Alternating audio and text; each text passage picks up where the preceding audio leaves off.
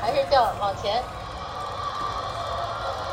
这种吊球对陈龙来说还是比较容易的，因为他个子大。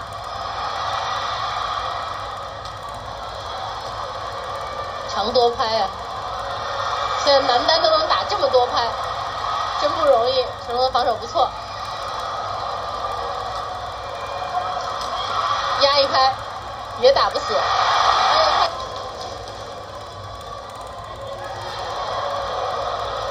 半场球，所以大家都很懂球啊。印尼的球迷，他们希望在这个时候能帮上乔纳塔。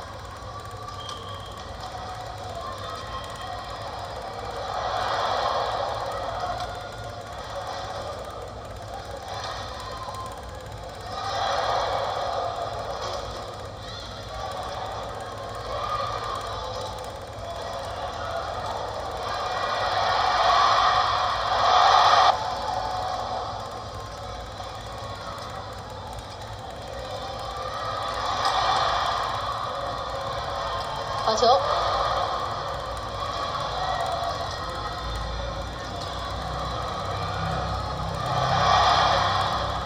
查坦又是一个假动作的一个吊球，成龙的反击漂亮。